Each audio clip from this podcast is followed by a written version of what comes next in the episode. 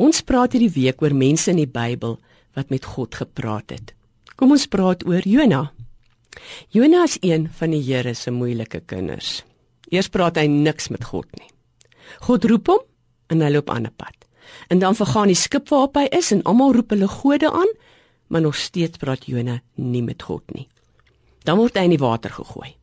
In die ou dae is mense in die water gegooi om te kyk of hulle skuldig is. As hulle dan verdrink het, was dit 'n teken dat hulle skuldig was. Jona verdien om te verdrink, maar 'n vis sluk hom in. Hy is so dankbaar dat hy in die vis vir God 'n lied sing. Hy sing van God as die een wat hoor wanneer 'n mens om hulp roep. Hy sing van God se vermoë om mense te red wanneer hulle dink dit is nou alles verby. En veral sing Jona van God se liefde. 'n God wat hoor 'n God wat daar werklik iets doen om 'n mens van ondergang te red, 'n God wat liefde aan mense gee. Dis tog die God wat ons elke dag nodig het. En dis ook die God wat 'n persoonlike verhouding met ons het. En dis die God vir wie dit saak maak of dit goed of sleg met ons gaan. Gode in daardie tye was nie eintlik bekend daarvoor dat hulle hulle nou eintlik oor mense bekommer het nie, wat nog te sê het hulle lief vir hulle was.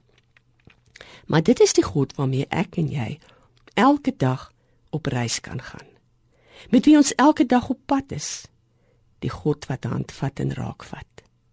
Wanneer Jona nou uit die vis kom, praat hy aanhoudend met God. Waar hy voorheen niks met God gepraat het nie, hou hy nou aan om met God te baklei.